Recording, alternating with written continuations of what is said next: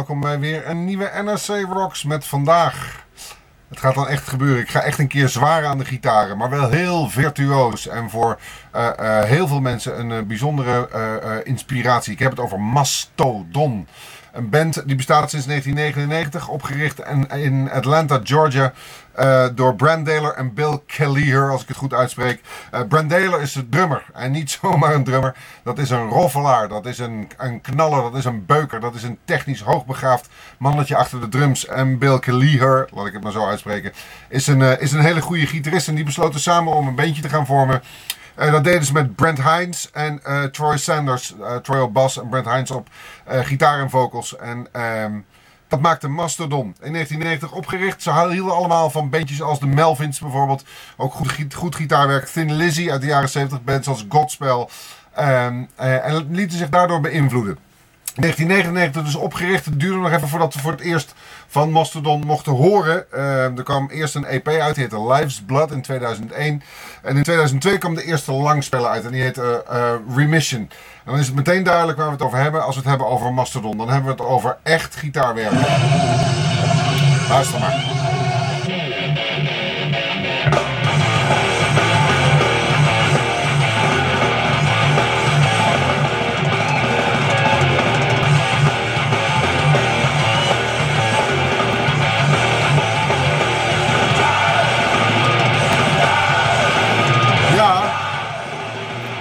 Volgen?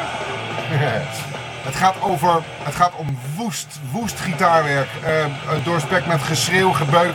Als je er niet doorheen kan luisteren, dan, dan zul je er ook nooit doorheen komen. Maar als je dit eenmaal in je systeem op durft te nemen, dan is Mastodon een van de allerbeste bandjes in het genre. Um, het is niet alleen namelijk uh, gegil en gebreu, gebeuk en gebrul. Het gaat ook nog eens een keer ergens over. Dat zul je me misschien niet zo geloven als ik dat zo tegen je zeg, maar dat is daadwerkelijk zo. Mastodon heeft altijd, uh, um, zet altijd zijn platen in een bepaald thema. Um, um, de, de Remission was de eerste plaat 2002. In 2004 uh, kwam het album Leviathan uit. Leviathan is een album wat in zijn geheel gaat over Moby Dick van uh, Herman Man Melville, de roman van Herman Melville. Um, daar staan twaalf tracks op die, die, die het hele verhaal van Moby Dick vertellen. Um, dus het gaat eigenlijk altijd wel ergens over. Het gaat over, of over literatuur, of het gaat over grotere dingen. Daar kom ik zo meteen nog op terug. Maar in 2004 met dit conceptalbum, want dat is echt een conceptalbum over Moby Dick, maakte ehm, uh, Mastodon, grote indruk. Wordt vervolgens mee op tour gevraagd door uh, Slipknot en Slayer uh, in de Unholy Alliance Tour. En daarmee doen ze Europa aan. En mochten we eindelijk ook weer eens op de podia kennis maken met deze verschrikkelijke band. Want dat is het. Het is zo godvergeten afgrijzelijk strak. deze band, dat, dat moet je gewoon een keer gezien hebben. Het is, het, is, het is hard en het is overweldigend, maar het is technisch van een fantastisch niveau. In 2006 komt er een plaat uit en die heet Blood Mountain. En daar staat iets op Waar mijn hart sneller van gaat kloppen. Want dat doet het van Mastodon sowieso al. Maar dan als ze er ook nog een samenwerkingsverbond aangaan met niemand minder dan Josh Homme van de Queens of the Stone Age. Dan kun je mij niet gelukkiger maken. Colony of Birchmen heet deze, heet deze track van Mastodon. En daarin hoor je de onmiskenbare hand en invloed van Josh Homme. Luister naar mij even rustig. Dit is goed te handelen hoor, dit. En ik dan.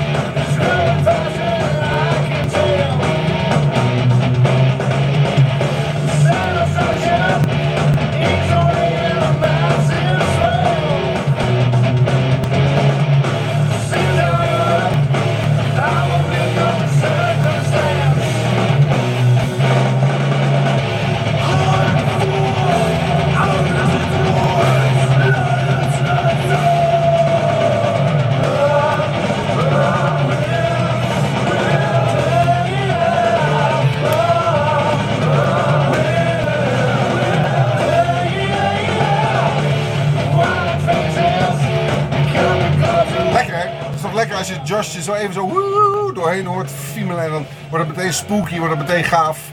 Dat was het al, want het is een erg fijn beentje, Mastodon. Colony of Birchmen van Blood Mountain. Er staat ook nog een hidden track op Blood Mountain. En daarin vertelt Josh dat hij zo uh, ontzettend fan van de band is eigenlijk. Dat is wel leuk. Goeie, goeie mooie bekentenis. Um, Blood Mountain dus uit 2006. En dan is het 2009. Want ik sla gewoon even hoppakee, een paar stappen over. Want lange halen vroeg thuis. 2009. En hier is Mastodons nieuwe album Crack the Sky. En zoals je aan de voorkant ziet, het gaat weer, uh, het gaat weer uh, alle fantasiegrenzen te buiten. Want waar gaat deze plaat over? Nou, allereerst laat ik daarmee beginnen dat heel veel Mastodon-fans een hart vasthielden toen de band bekend maakte dat uh, Brandon O'Brien, onder andere bekend van Pearl Jam, Stone Temple Pilots, heeft nog meer gedaan, Incubus, Audioslave, Aerosmith gaat hij doen, nieuwe plaat van Aerosmith, nieuwe plaat van Pearl Jam gaat hij doen. En toen dachten al die Mastodon-fans, moet die man nou aan ons bandje gaan zitten? En zeker toen de band zelf ook nog uh, uh, opmerkte dat het metal gehalte er misschien een beetje vanaf ging. En dat het wat, wat symfonischer zou gaan worden. Toen dacht iedereen, oh my god. Maar jongens, echt waar. Niets is minder waar. Het is een plaat geworden van 89 minuten.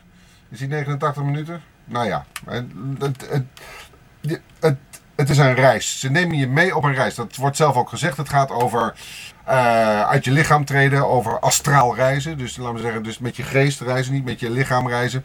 Het gaat over uh, worm, wormholes of worm gaat. Het gaat over de theorieën van Stephen Hawking. Uh, ze hebben zich duidelijk weer ingelezen en hun best gedaan om dat te vertalen in een plaat. En um, het leuke is dat Brandon uh, O'Brien dat precies heeft weten te vangen in een, een geweldige sound. Echt een hele dikke, vette, moddervette Mastodon sound.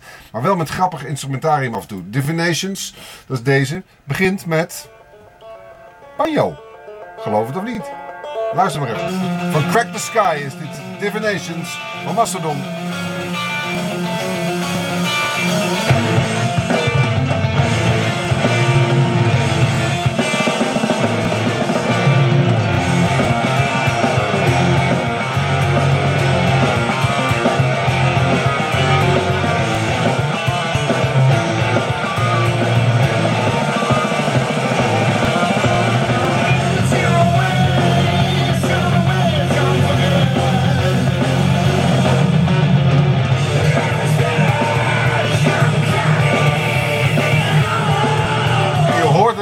Hè. Het allerbelangrijkste bij Mastodon is misschien wel, tenminste dat is mijn mening, is Brand Daler, die drummer, die roffelaar, die, dat, die kanonskogel, die drijvende kracht achter dit geweld wat dan losbarst.